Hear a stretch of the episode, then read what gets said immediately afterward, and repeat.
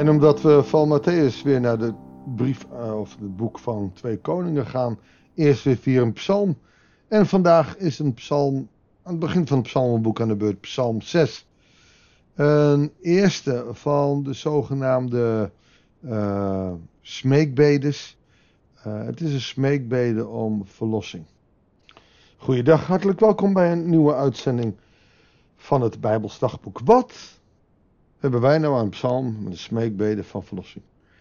Ik denk dat je ook in deze tijd verlossing nodig hebt, ik weet het zeker. Alleen is dit niet van een vijand, maar dan wel van spotters. Van mensen die, nou, je niet goed gejegend zijn. Mensen die je uitlachen. Mensen die het je moeilijk maken op je werk, op school. Vijand kun je natuurlijk in de breedste zin van het woord gebruiken. Maar ook de ziektes. Een ziekte is een behoorlijke vervelende vijand. Tegenslagen. Ellende die je meemaakt in de wereld, in jouw leven. Het zijn allemaal dingen die je onder vijand mag noemen. En zo kom ik nogal wat mensen tegen die een smeekbede uit. En vandaag Psalm 6. Psalm 6 voor de koorleider. Dus het was een lied gemaakt voor de koorleider bij een snarenspel. Dat wijst dan op David. Op de wijs van de achtste. De achtste kun je op heel veel manieren uh, bedenken hoe wat dat betekent. Dan kunnen ze niet helemaal uniform zijn.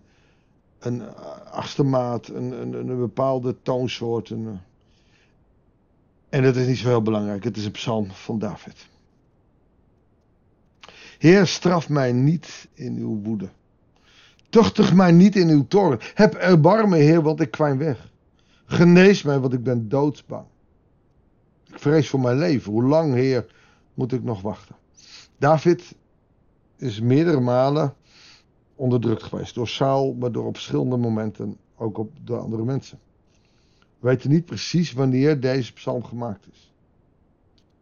Maar klaarblijkelijk ziet David het hier als een soort van woedeuiting naar hem. Hij voelt de hete adem van God in zijn nek. Heer, straf mij niet voor uw woede, in uw woede. Tuchtig mij niet in uw toorn. Zou hij een schuldgevoel hebben? Wat zou er aan de hand zijn? Hij is bang. Ik vrees voor mijn leven. Hoe lang moet ik nog wachten? Wat we hier duidelijk zien is dat David in zijn wanhoop roept naar God en zegt: Ik, ik ervaar u niet in mijn leven. als ik dat zeg, dan opeens zijn er veel meer mensen die zich daaraan kunnen committeren. Heel veel mensen ervaren God niet in hun leven. En dat is in deze tijd niet heel anders. Waarom? Omdat we op wetenschap, geld, macht, status. Daar rekenen we op. Niet op wat God doet. We zijn naïef. Qua milieu, qua uh, drama's in de wereld. Welke dat dan ook zijn. Beetje naïef en uh, ach, als God voor ons is, wie zal tegen ons zijn? Dat is ook zo. Maar durf je ook onder ogen te zien wat er echt gebeurt. En als dat ook is, kun je ook weer bang worden. Het, het, het gekke is, ik wil niemand bang maken. Maar het is ook nog weer eens zo dat naïviteit levensgevaarlijk is. Want we leven in een rare tijd. We kunnen het ook allemaal weten waarom, omdat we het via internet, televisie allemaal tot ons krijgen. En dan zijn er nog de mensen die ziek zijn. Ernstig ziek. Die ook voor hun leven vrezen. Hoe lang nog, heren, moet ik wachten? Op uw verlossing, op uw genezing. Het lijkt wel of David hier zoiets ervaart als: God is weg. Keer terug, Heer, spaar toch mijn leven. Toon mij uw trouw en red mij. Want doden noemen uw naam niet meer. Wie in het dodenrijk kan u nog loven. Hier zegt iets moois, maar hij wil God groot maken. Maar hij leeft in de duisternis en hij is bang voor zijn leven. En wat nou als hij in het dodenrijk komt? Als hij dood is, dan kan hij God niet meer loven. Moe ben ik van het zuchten. Elke nacht is mijn kussen nat. Mijn bed doorweekt van tranen. Mijn ogen zijn gezwollen van verdriet. dof door alles wat mij benauwt. Hij beschrijft hier een enorm groot verdriet.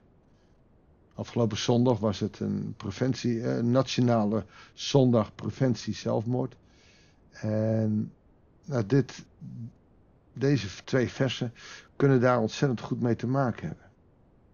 Mensen die moe gestreden zijn. Die liggen te woelen, te huilen, waarin het matras en het kussens nat zijn. Mensen die zoveel huilen dat hun ogen geswollen zijn van verdriet. Dof van wat, alles wat hen benauwt. En dan de roep om genade. Weg van mij kwaadwillige, kwaad, uh, ziekte, ellende. Ik ken mensen in mijn gemeente die lijden onder psychische aandoeningen. Je ziet het niet aan ze. Maar s'nachts liggen ze te woelen, te draaien. Weg van hen wil ik bidden. Maar psychische ziektes kunnen niet altijd zomaar verdwijnen. De Heer hoort hoe luid ik ween. De Heer hoort mijn roep om erbarmen. De Heer neemt mijn smeekbeden aan. Beschaamd en doodsbang keren mijn vijanden om in een oogwenk met schande bedekt. In tegenstelling voor veel mensen in deze tijd blijft het bij ons mensen vaak bij die roep om aanwezigheid van God. Maar David keert het hier om aan het eind. Hij stuurt de kwaadwillige weg. Want de Heer hoort, hoe laat ik bij? De Heer hoort mijn roep om erbarmen. En de Heer neemt mijn smeekbeden aan. Als je last hebt van angsten, zorg, pijn, verdriet en moeite, zou je eens een keer iets moeten gaan uitproberen.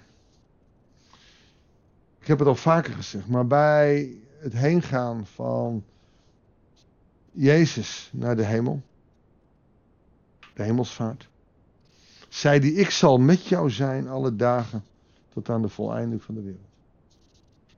Jezus heeft gezegd: Ik zal met je zijn. En dat doet hij door de kracht van de geest. En wat doen wij? We gaan erop vragen. Heer, wilt u alstublieft bij me zijn? Wat wij moeten doen, is in ons geloof veel meer uitstappen. Weten welke machten, krachten er in de wereld ook zijn. Werkelijk waar niets ons kan scheiden van de liefde van Christus. Wij mogen door zijn kracht in de vrijheid van Christus staan. Welke vijand er ook op ons afkomt. Welke kwaadwilligheid, welke ziekte, welke ellende. En dat betekent niet dat het dan meteen over is. We doen niet aan prosperity. Maar het betekent wel dat we mogen weten dat God heel dicht bij ons is. En dat, dat moeten we weten, dat moeten we onthouden. God is een God die heel dicht bij ons is. En als we daar meer mee omgaan, hoeven we minder te smeken. God blijft mij met want hij heeft in Jezus Christus gezegd, ik ben met je. Stap uit. Durf het lef te hebben om daarvan uit te gaan. En sta sterker in het leven. En ik weet heus wel, als je echt psychische angststoornis hebt, dan is met een gebed of met een geloof of met uitstappen het niet zomaar gedaan. Maar toch, zelfs in de diepste diepte en ellende, kun je God betrekken bij je leven. En weet je, Hij zal jou redden. Hij zal je in ieder geval zijn aanwezigheid geven midden in het verdriet, de pijn en de moeite. Hij zal samen die last die jij moet dragen, die last dan ook samen gaan dragen. Oftewel, hij neemt het niet over van je, maar hij draagt het met jou mee. Zullen we bidden of God ons daarbij wil helpen, Heere God? Vele van de luisteraars hebben zorg, verdriet, pijn en moeite. Kennen de tegenslagen, angsten of wat dan ook is. En in geloof zal niet altijd alles overgaan. We leven helaas in een gebroken wereld, maar we willen wel bidden. Heere God, wilt u kracht geven aan hen die vermoeid en belast zijn.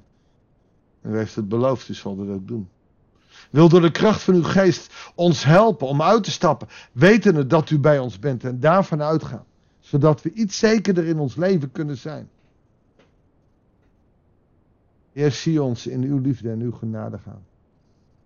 Midden in de zorg, verdriet en de pijn en de moeite van het leven.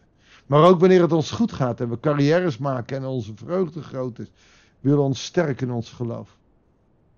Zodat we in uw liefde kunnen blijven wandelen. Heer, dat bidden we u in Jezus' naam. Amen. Dankjewel voor het luisteren. Ik wens je God zegen en heel graag tot de volgende uitzending van het Bijbels Dagboek.